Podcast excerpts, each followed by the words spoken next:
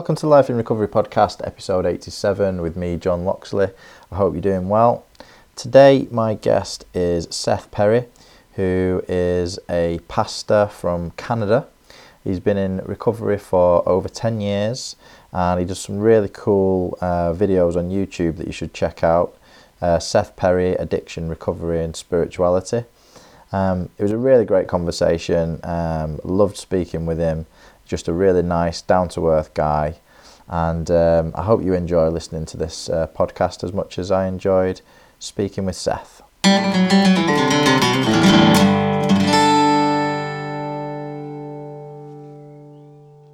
Yeah, so I grew up in the suburbs in uh, in uh, of Vancouver, British Columbia, Canada, and uh, life was pretty good. Um, I was born into a, a, upper middle class family. Both of my parents were well educated people. My dad's a professor. My mom has a, a master's degree in library science, and um, they they raised us well. Um, they had no problems with alcoholism uh, or addiction um, themselves. Um, my grandfather and my great uncle did, however, and, and, and also my uncle did.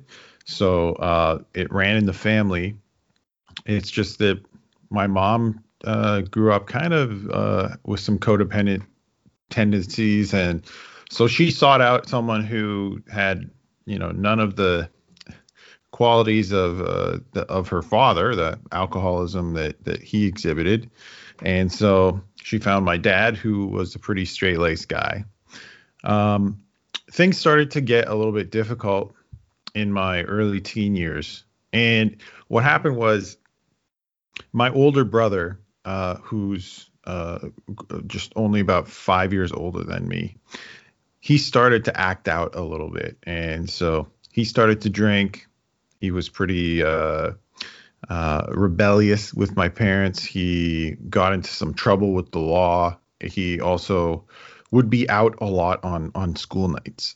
So I had a window that overlooked the garage, and uh, so he'd drive up about 11 o'clock at night. I'd hear the car, and uh, one of his friends would be dropping him off. The music would be playing and all that, and uh, I watched. And in my preteen years, I sort of was attracted to that rebellion, uh, and you know, that's where uh, some conflict started happening at home, and my parents' marriage started to have a little bit of issues, and then I just really didn't start feeling comfortable at home.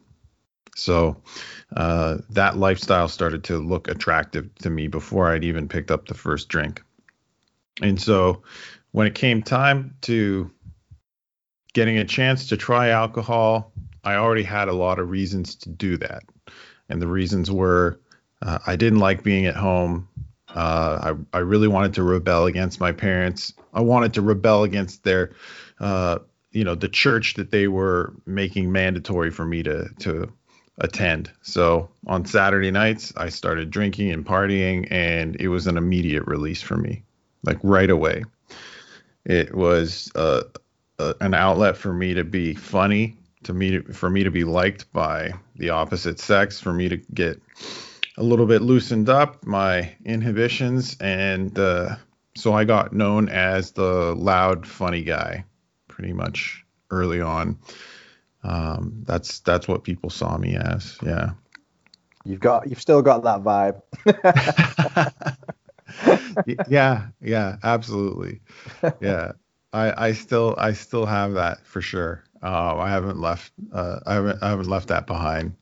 Um, so I I started to hang around uh, like I, I was I was big into athletics until I started drinking. I left that behind. So I, I stopped I stopped doing uh, athletics. I stopped playing soccer, playing basketball, and playing baseball.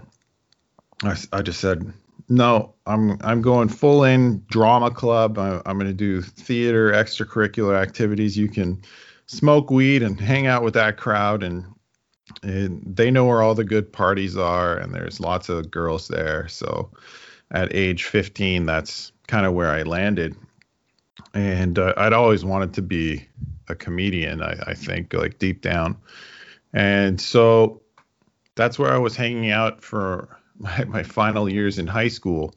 What happened was because I was part of that crowd, we were often using drugs morning, noon, and night because I'd have extracurricular activities at the school. And so before I'd leave to go home, I would make sure to be um, smoking a lot of weed so I could go to sleep quick. And uh, that was some major self medicating. Eventually, that led to insomnia pretty quick. And uh, it really hit me and caused me to act in a, in a way that was different than many other people.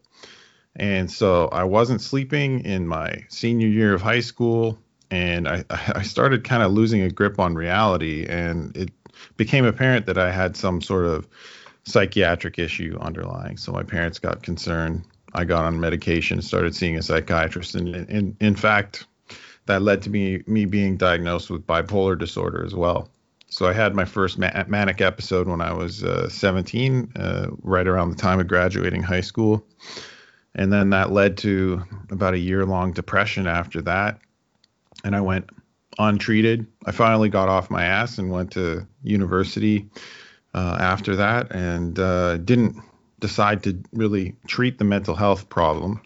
Uh, instead i went uh, deeper into partying at that time i worked at a nightclub i uh, you know I, I worked at a pub so i had two jobs that allowed me to party and to drink while working. And I went to school three days a week. I'd pack in five days a week of studying into three days. You know, um, was the uh, you know the the psychosis the the psych yeah the psychosis was that yeah as a result of sorry not psychosis the bipolar was that as a result of um, using or was that um, a, a, a, an illness that was just exacerbated that you'd already had?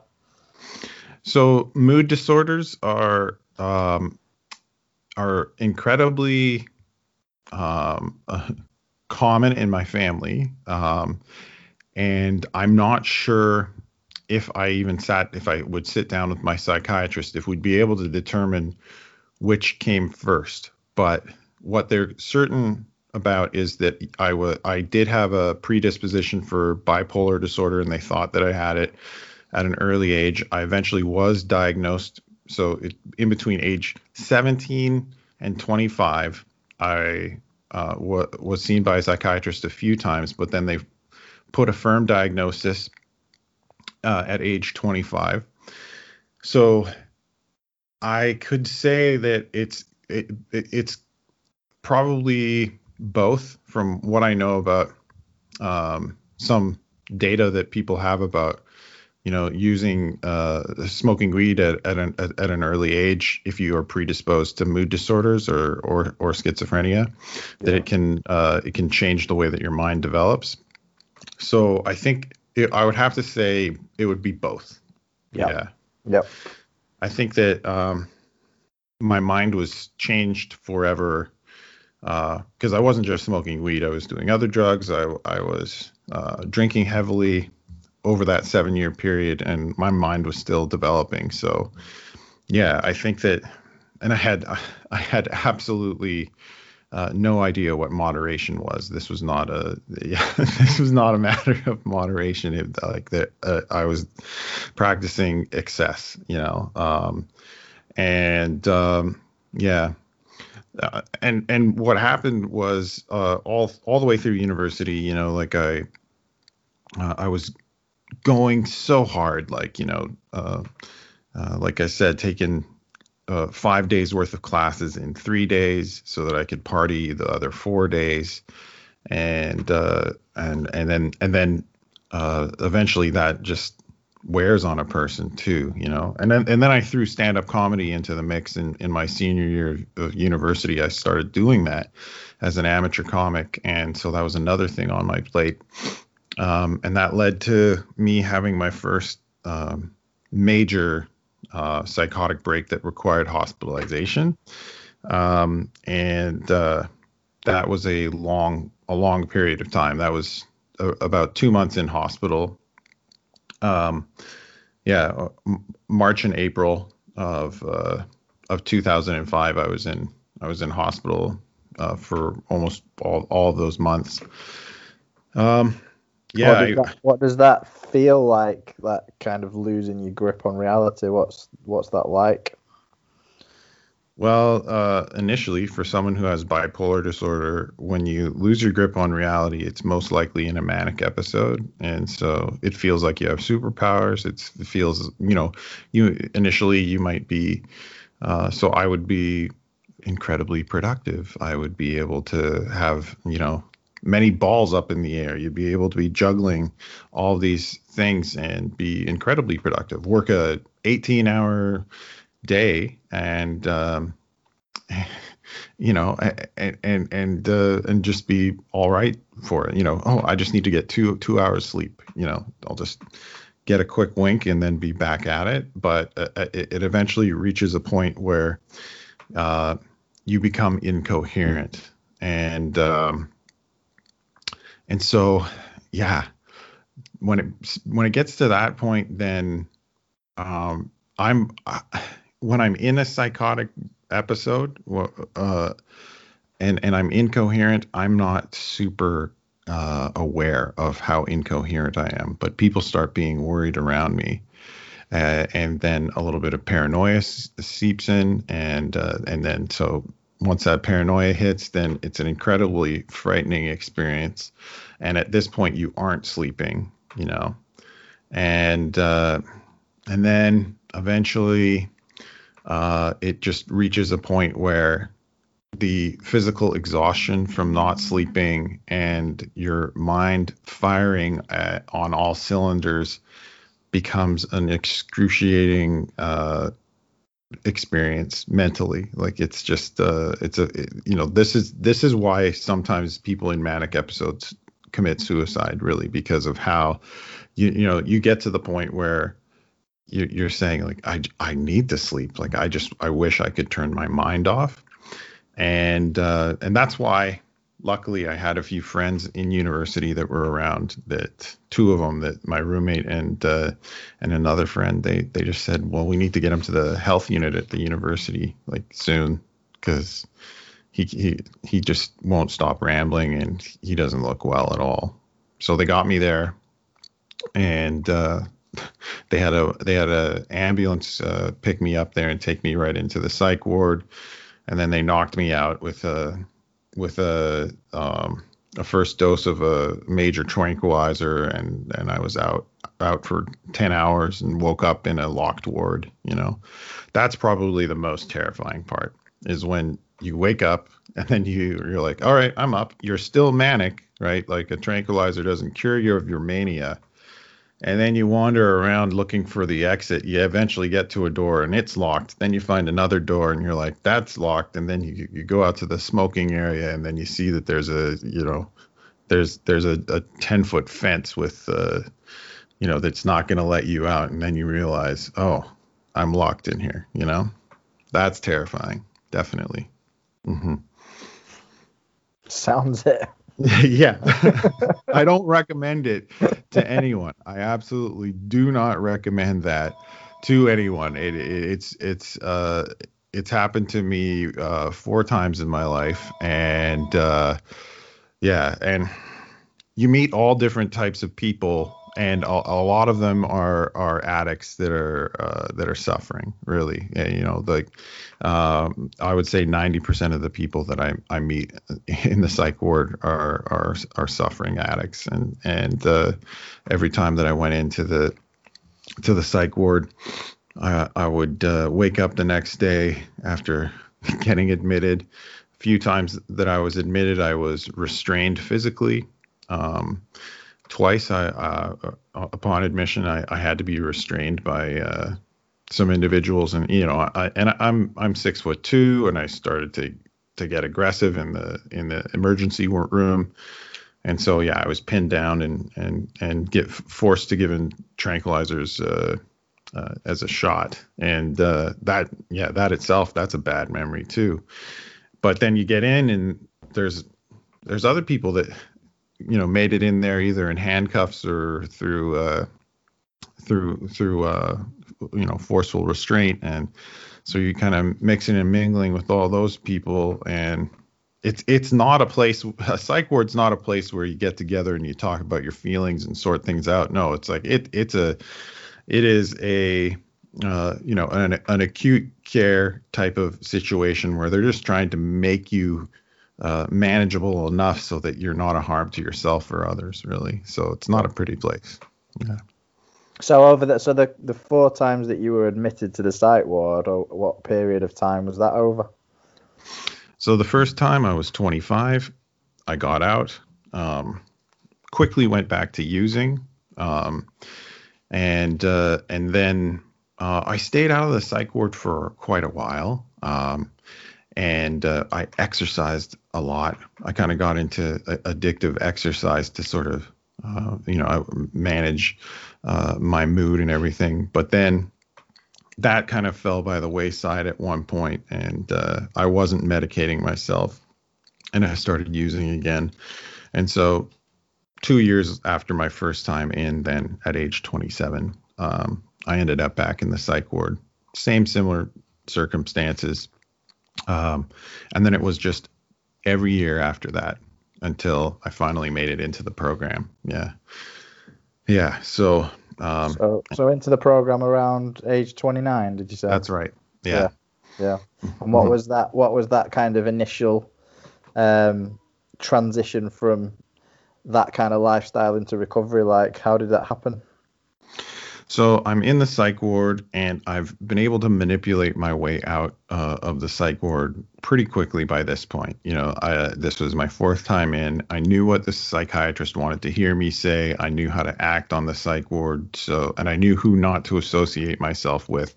Don't be attracted to the, uh, you know, to the folks that are making a fuss. You know, uh, keep to yourself. Don't don't make it into the chart notes for of, of the psych psych nurse at night so that your psychiatrist sees that you're misbehaving or whatever. So, uh, you know, they were ready to release me uh, at a certain point.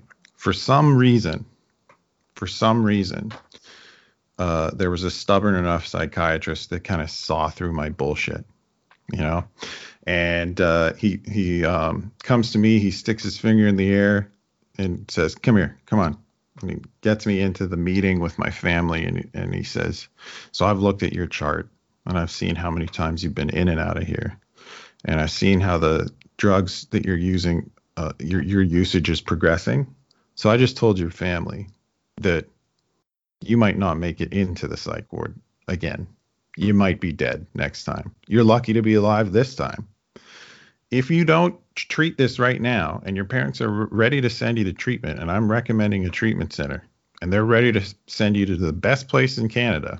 If you don't do that, if you don't say yes, then you might be throwing your life away and my family was upset. They were worried. They'd never heard someone speak so honestly about this. And I was, you know, I, I, I wasn't really, I didn't really like this guy. I'm like, this guy, who the fuck is this guy talking like this? You know? Uh, he doesn't know me. yeah. and, uh, and so what I did was I, I, I had no choice. I said yes and uh, I spent eight days with my family. You know, they didn't want me. I'm like, I, just let me go back to my apartment. You know, just you know, and that was my back door back out using. You know, let me. You know, I, but spent eight days, and I was supervised either by a, you know, my mom, my brother, my stepdad, my dad, every hour of the day, so that I wouldn't, you know, you know, just sneak away and head back. You know. And, and get get back out there and, and get back using they did it. They succeeded. They got me into treatment. They dropped me off at the front door, and and um, you know, I I did. I was in a relationship. I had plenty of belongings in a shared apartment, and we asked the treatment center before I went in there. They were like, "So should should he move out? Should he get his stuff and move out?" And they said, "No. Uh, if he has a key, just go in there when they know that his girlfriend's not going to be there. Get the stuff and get out. And amazing advice. I thought that I was, you know, I had I, my number one using buddy was my girlfriend, my roommate, who I live with, you know, and uh, that would have been that would have been the back door that would have got me back out, right? My my family might not have had that second chance, So my brother drove me down there when we knew that she wasn't going to be home. And in 15 minutes, I packed up two duffel bags and left everything else. We just left absolutely everything else. We got my car towed from the underground, uh, from the parking lot there, and uh, I haven't I haven't seen her since. And uh, I walked into treatment with two duffel bags worth of stuff, and I stayed in a program that I thought was going to be eight weeks. I stayed for five months. and then they said, you know, you can move and you you can move to a sober living house down the street here uh, if you want to if you want to stay close and stay with all these friends that you've met in treatment. And uh, and that was what was working for me. The other people, when I got in there, I finally had other people that were like me that would lie, manipulate, that had been in psych wards, that had been in prison, that uh, um, you know were 20 somethings or early 30 somethings that had just kind of focused on drinking and, and using and didn't have a very high opinion of themselves. There were other people that had underlying mental health conditions with addiction issues. And uh, with the help of them and great counselors and a psychiatrist, I was able to see that, um, yeah, the program was going to work for me if if I just, you know, just said, every time that I tried before, every time I get out of the psych ward and maybe give it an honest shot, I would just say, you can do this. Just concentrate really hard, really, really, really hard. And then you, you don't have to go to the uh, the dealer's house, which is right down the street from your house. You you don't have to go to the bar again. You don't you don't have to accept a drink when you're offered it when you're uh, at a stand-up comedy gig. You don't have to do any of that. You just need to think really, really, really hard and uh, it, it, it got laughable. Uh, you know, whenever I try, you know, uh, th- third time, third honest shot at doing that, it would it would really last 48 hours before I'd be back out using again. You know, yeah. You can't solve the problem with the problem, can you? no, absolutely not. So when you were introduced to the program, was that the 12 step program or was that a different type of program? I was introduced to a 12 step program. Yeah. Uh, I was introduced to AA. Um, I also went to Narcotics Anonymous. Um, and, uh, and that was the uh, that that was the the program that the treatment center was affiliated with. Yeah. How many years ago was that? So that was um, April twelfth, two thousand and ten was my uh, is my clean date. So um, it's you know coming up on 11 years uh, as we record this. Uh, well mm-hmm. done. Yeah. And what's uh, what's those 11 years been like then? Because as, as we said just before we started, you're now a pastor. Which yeah. I find, which I find very interesting. So, what's the story there?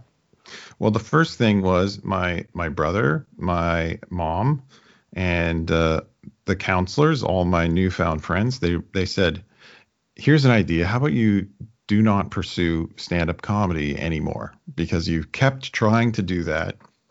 And how about you you you don't do that? And you know, counselors are saying, you ever notice that whenever something serious happens or we're talking about something serious, you you do try to make a joke about it. And I think there's something bigger uh, in that, you know, when we want to talk about what what you're ashamed of or when we want to talk about uncomfortable stuff in your past, you try to make a joke. And, you know, my family was just tired of me going on tour, being worried about me and uh, not hearing from me very often. And so everyone was like, yeah, maybe, maybe hang that up, forget about it, and, and just don't pursue that. So I pursued like a, a minimum wage job at Staples. And, uh, it, you know, I had I, I had to take uh, that, that's really what was recommended to me. Just like don't don't worry about anything. Don't put too much on your plate. Don't try and uh, you know start all uh, and, and find some some amazing uh, well-paying job or anything. Just find an easy job that you can handle. And uh, and I did and it, it, was right down the street from my sober living house. And I, I really spent that first year just focusing on how to live uh, without drugs or alcohol. You know, find finding ways to deal with the uncomfortable feelings that I was left with after um, a life of of addiction and uh, and trauma from mental mental health issues and um, and just learning to have uh, to think clearly with the help of other people and and also like I think that I cannot um, stress this enough for anyone who's you know thinking about stopping using or is have, having issues or who's entering into recovery um, and who or someone who just wants to stop uh, a, a, anything really a drug or an eating disorder or, um, or, or, or or gambling or any behavior the best way that I and it was, it's so simple to me now but the best tool was to have a, a, support group of people that cared about me.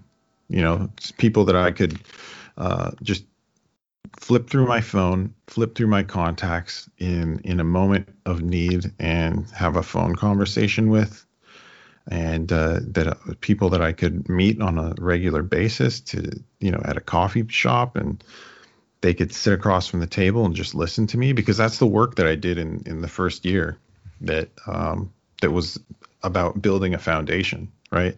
Um, and those turned into habits. You know, they're habits that I have right now. I still have the same phone contacts in my phone right now that I used in that first year. So, you know, I, I met someone that had one year sober and uh, and he has 12 years sober now. And I talk to him, you know, on a monthly basis, you know, and I I'm in contact with the other folks that have been in the program for for a while. I, I moved across the country. You know, I'm 3,000 kilometers away from uh, where I got sober. You know, and and and I still get text messages from my sponsor from all the way over there. Uh, and and it's just and it's just all about staying connected and, and just being honest uh, when I'm not doing well. You know, um, and and that was how I built that foundation in the in the first year. Yeah, and it's it's interesting that something came became alive in in me where I was like, you know what, I want to spend time with my mom. I want to spend time with my dad, and these were folks that I had uh, I'd been vicious to. You know, uh, in in in moments where I've been in manic episodes, I yelled at the top of my lungs to both of them and I'd threatened them. I'd th- threatened them with um, with physical violence. Uh, you know, on those on those two times where I was restrained by uh, orderlies in, in the uh, in the emergency room. Well, right before that, I was with my parents, and uh, and and the reason why they called the police to get me into a psych ward was because they didn't know what, what I was capable of, and I have not behaved like that at all in the last 11 years. And and I think that's a testament to having people around to to really keep me hooked in and, and tied in. Yeah.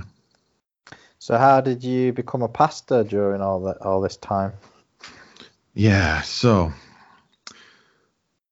I had to really come to that on my own terms, and uh, I I think that to anyone listening today, sometimes people put down put down the the bottle, and you might meet people who might be actively recruiting for um, for their own denomination or spiritual organization or anything like that.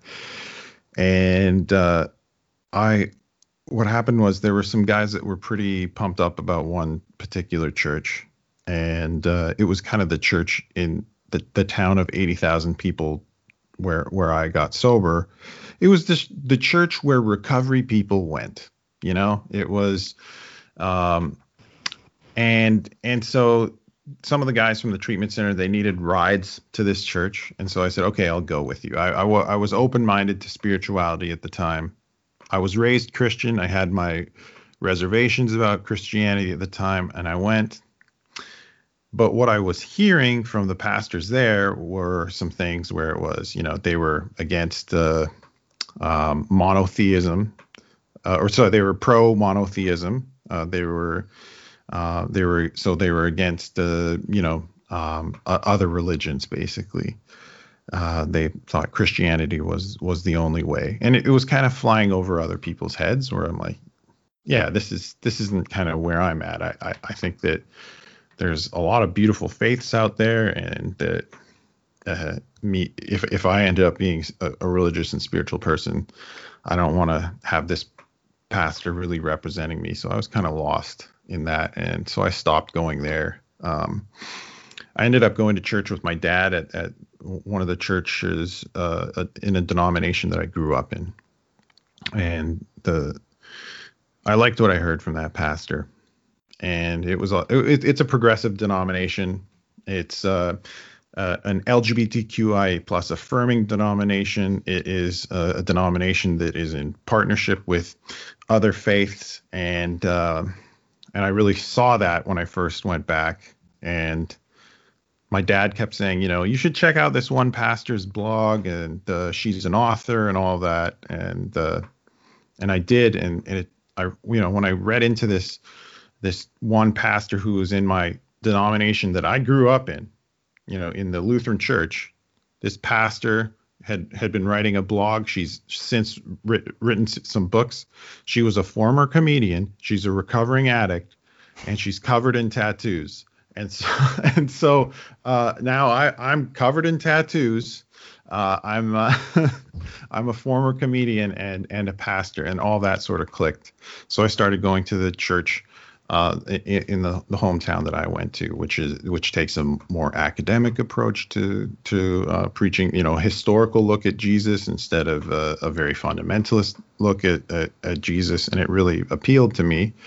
Um, and one other uh, piece was I, I, went to the, the church in the in the town of eighty thousand people that I was living on in in Vancouver on Vancouver Island, and I went to that church and the pastor there he he started talking with me, and he he used to be a chaplain in the Canadian prison system, and uh, that really appealed to me. And I said, well, yeah, okay, I, I could see, you know, his his stories from working with inmates.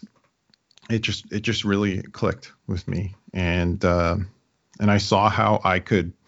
Um, you know, if, if, I pursued a career uh, uh, as being a pastor, then I could uh, I could practice some really radical acceptance of of all different types of people because if this guy is working with you know uh, has a history where we talked and a lot of stories that he'd talk about from the pulpit were working with rapists, working with uh, working with murderers, working with uh, you know people people that have a violent past, and just bringing them bringing them all together and uh, and and working with them a, in a compassionate way.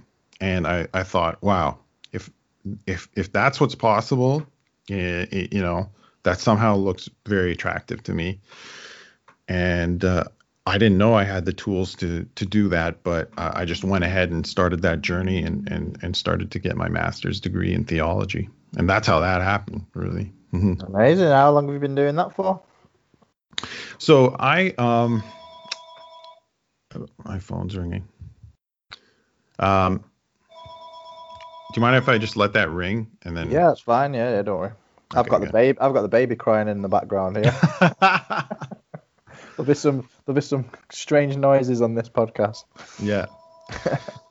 so, um, so I started. Uh, um, I started to go to um, theological seminary in um, 2015. Um, and uh, and then studied. I became an intern pastor in the uh, fall of 2017, um, and then um, I moved. I moved to um, uh, to Kingston, Ontario, to take a full time call as a pastor in uh, October 2019. So. Um, and before that, I'd done chaplaincy training and, and worked as a chaplain uh, at a treatment center, the treatment center that I went to as well. Um, so it was it was a, a, process of education where I did two years of study. I did my chaplaincy training, and then I started working as a chaplain in the treatment center, and then I went on to be an intern for uh, you know an 18 month period, and then uh, and then I was ordained into uh, the church of my my choice, which is which is the one here that uh, that I'm a pastor at in Kingston, Ontario. Yeah. Brilliant. Mm-hmm. So, that, so you've been doing that for the last couple of years. How's the uh, pandemic affected your work? Has, have you still been able to do the job, or has it been a been has it like massively affected you? It it has, uh, and uh, however, uh, we've been able to immediately work work around it and find a way to um, do you know we and we've had some um, pretty strict guidelines in Canada on uh, uh, you know on on public gatherings. So um, our church was kind of wondering if we should be meeting uh, before there were any um, rigid guidelines, and uh, I suggested let's just close the church. Um, and so this was March 14th, 2020. So I said, let's close it down. We can do this online. We can we can meet online, and uh, and so we started doing that. And you know, I thought, okay, we'll be doing church online for maybe two months, maybe tops. I don't know. And uh, well, that that wasn't true. We we reconvened in person uh, with a cap of 25 people being able to meet in person and uh, and broadcasting. The first time we reconvened for in-person worship was September uh, 19th, 2020. So that was a long period of all online worship. And I do online visiting with people because a big part of my job is driving to people's homes, visiting with them, visiting the sick in the hospital. Can't do that anymore. Visiting people in nursing homes. Can't do that anymore. I do work in the uh, the local prison system here. We have uh, you know correctional facilities. Uh, Kingston, Ontario has quite a few. Um, which is part of the reason why I was attracted here was there's there's quite a few federal corrections facilities surrounding the city, and uh, we've we, we have been locked out of, of locked out of the prisons. Uh, yeah, no um, no chaplaincy and, uh, and and no volunteers have been brought in. And normally we at our church twice a month we have prisoners who have day pass, prisoners who are, are, are on good behavior come to our church uh, twice a month and um, and and and uh, attend. Uh, so we we had to suspend that unfortunately. Um, so there's been a massive effect. A lot of the time I felt like powerless, like I, I have no control over any of this and, and and it has been it's been difficult. Sometimes it's been it's been more work for me to um, coordinate music because uh, we do music every Sunday and we're doing all that from afar.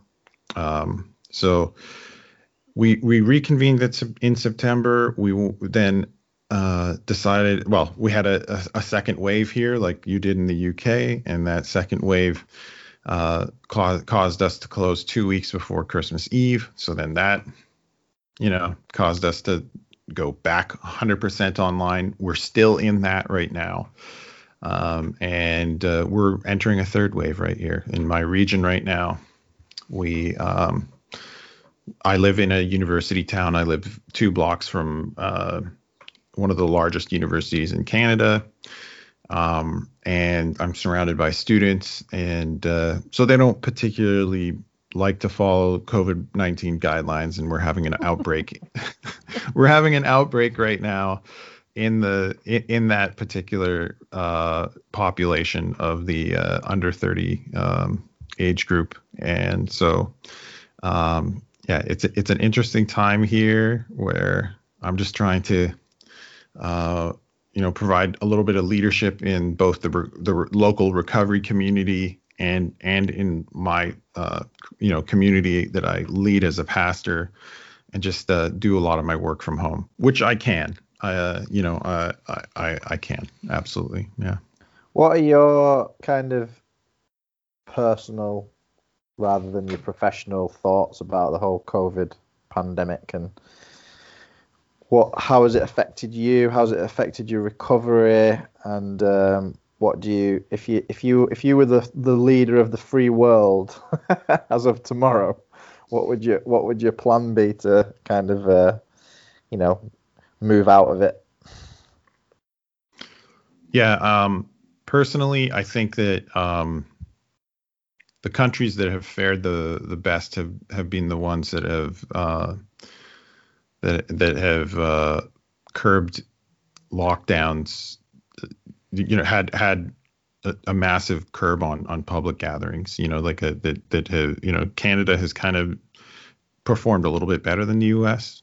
But uh, I preferred I would have preferred a, a, a tighter lockdown. Um, there's been a lot of mixed messages regionally and and uh, across the country here in Canada, and so uh, that's one thing. Another aspect, um, you know, there and this is twofold, is it's uncovered a lot of economic disparity um, for a, a, lot of people, and that's something that I I really think about a lot locally, and uh, and I can see that just to drive downtown here. You can, uh, if we were to compare um, pre-pandemic and post-pandemic, there's a lot of hurting people out there.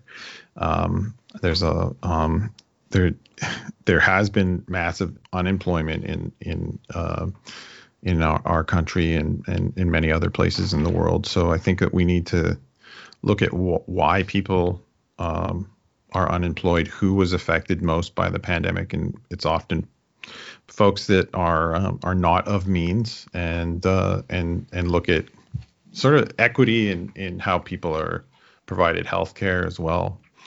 Uh, that's another thing that I've I've, I've noticed. Another uh, aspect uh, of this um, that um, that that I've I've seen as as well. Um, I, I think that it's affected people's mental health, and uh, we need to look at um, we need to look at how we treat mental health and addiction. So let's group both of those things in together, and my story is certainly a, an example of that. So the pandemic has affected my mental health as well. I've had to get extra help. I've I'm lucky enough to have health insurance so that I can afford to see a psychologist every week. But, you know, not every person is that lucky. Um, you know, and uh, we've seen a spike in in opiate overdose deaths, and uh, people being isolated because of lockdowns and because a lot of public places are closed. That should be a wake up call for people to see that there's a direct connection with uh, you know people being isolated and and and and people dying of of drug overdoses and uh, that we need to we need to put more money in, into into funding that kind of care you know yeah. Absolutely. I mean it, it proves that um, was it Johann Hari that said the opposite of addiction is connection? Absolutely. Um, it just just proves it doesn't it? I, I couldn't agree more. I mean i work in services and mm-hmm. uh, you know the the, the data is showing over the last 12 months that everything has risen. Overdoses mm-hmm. suicide attempts mm-hmm. alcohol alcohol use drug use. You know it's um it's exacerbated the mental health of everybody including myself i mean it's not been easy has it it's been like really really tough um but yeah it's interesting because i mean there's just so many the reason why i asked you your opinion on it is because I mean, I've literally just over the last 24 hours come off social media completely. Um, mm-hmm. On my, per, you know, on the, my personal social media, I've just deleted it because the, you know, just I just can't deal with the negativity anymore. Like mm-hmm. the the, yeah. the, the, the the the rift between people that this has caused um, has been huge, and yeah, I, I can't really I can't even really kind of make head and tail of what's actually happening. Does that make sense? Like, yeah, I don't know what the answer is personally to to any of this, but all I do know is that the the solution at the moment is is seems to be worse worse causing more harm than good. You know like obviously it's saving the lives of the people that have got that from getting covid but then when you look at the um, like you're saying, the mental health crisis and everything else, that just seems to be far outweighing the actual problem itself. So it's just it's just a minefield at the moment for me. Mm-hmm. Absolutely. Um, and what about your own recovery then? Are, are, you still managing to get to meetings or are they all online? So yeah, I have um, I've been um, tasked with handling all the the technical side of of the uh, the meeting that I belong to here locally. So I have uh, done all of the uh, you know it's done on my Zoom account. It's uh, um, you know I I kind of moderate every meeting and and uh, handle all the technical side of that. And uh, three weeks ago, we decided to return to in-person meetings, and um, and that's been difficult as well. So uh, I I also am at those meetings and uh, you know I bring I bring my microphone and uh, my laptop and uh, and and set it up so that the person who's speaking can be on camera and um, and that's what that's what I do uh, you know to to stay involved. Now um, I have had to how my recovery has been affected is I've had to work hard to stay connected to to other people locally you know like um, because there's been some periods where we've been on absolute complete lockdown, stay at home orders. And those times have just been the absolute worst for how I've felt, you know? Um, and so, and, and, and those, uh, the weather during those stay at home orders has been particularly bad. Um, yeah, yeah. So, I've had to up the amount of people that I'm texting with, calling with, staying connected with, letting people know what's what's happening, what I'm going through, and uh, and and that has really carried me through. That is something that is uh, that's that's really been important um, for me. Uh, yeah, um, I, I think that it, it's it's and I've seen people really struggle with it. In, in a, I'm glad that I'm uh, I'm I'm a, a little bit uh, more uh, open-minded and warm to to uh, to using Zoom or or using any other type of technical means to stay connected with people.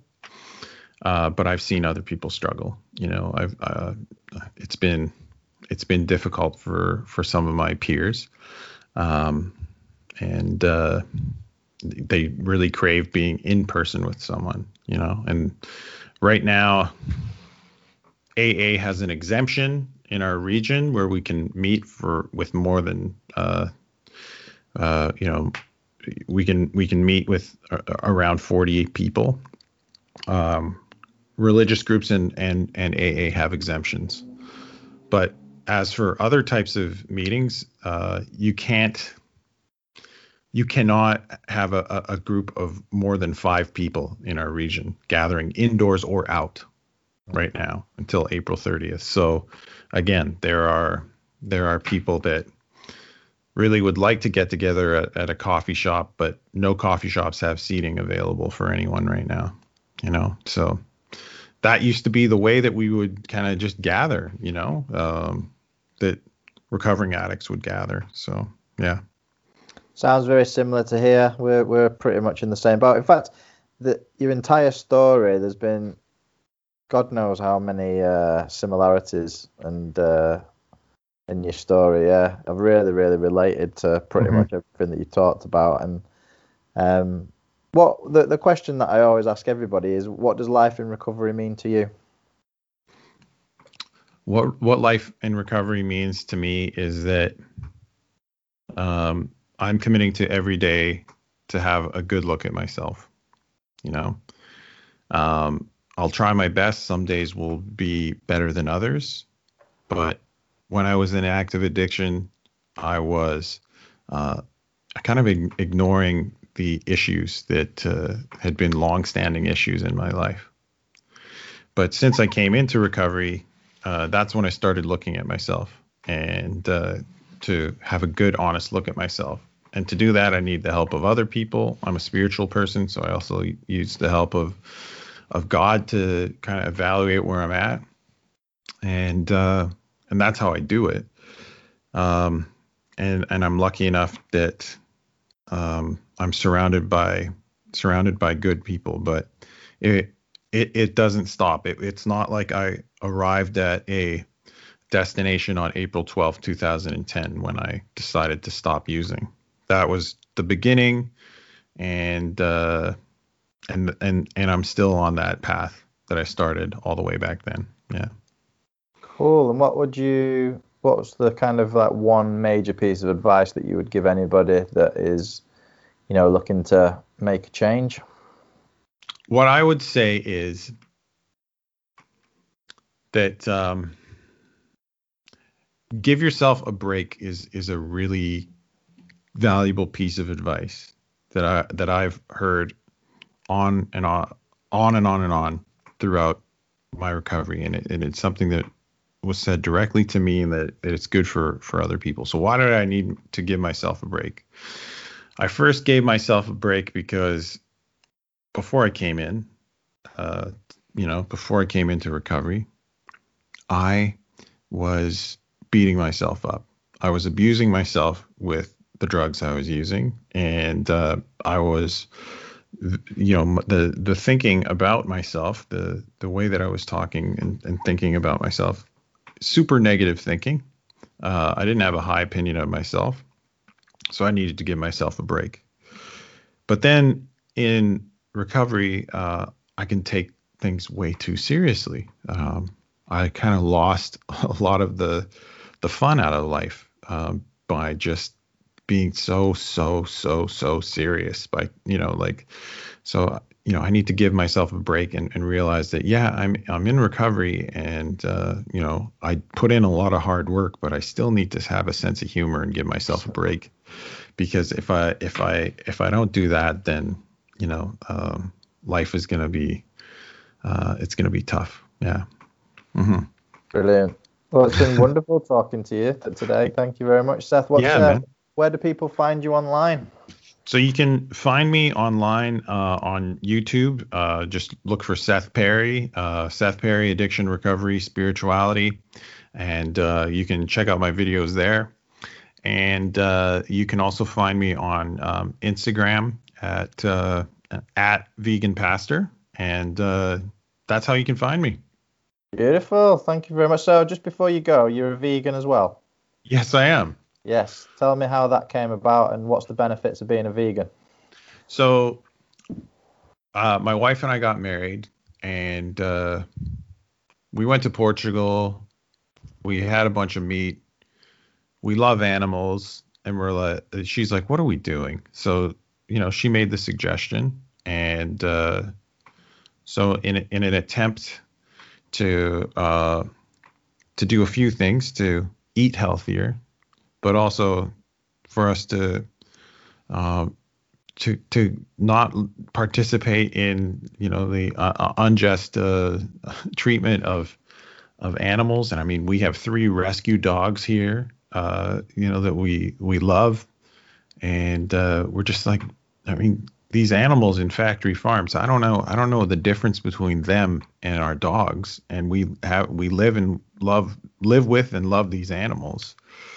And so that's when the switch happened. And at the, you know, I'm the cook of the house, and I just found there's so much amazing things out there to cook if I stop cooking meat. You know, there it, it opens the door to a bunch of stuff that I that really uh, other people sort of you know walk right by in the produce aisle or in other uh, other parts of the grocery store or in health food stores. You know, and so I, have not been limited as a cook either. I really like cooking as a vegan. So yeah.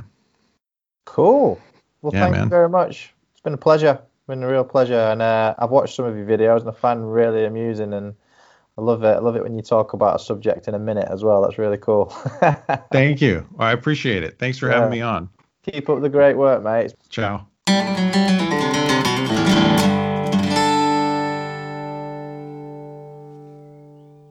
Thanks for listening, and if you've been affected by any of the issues discussed in the podcast, please see a range of mutual aid organisations in the show notes. Also, don't forget that you can support the Life in Recovery podcast by visiting patreon.com forward slash life in recovery. Peace and love, and goodbye for now.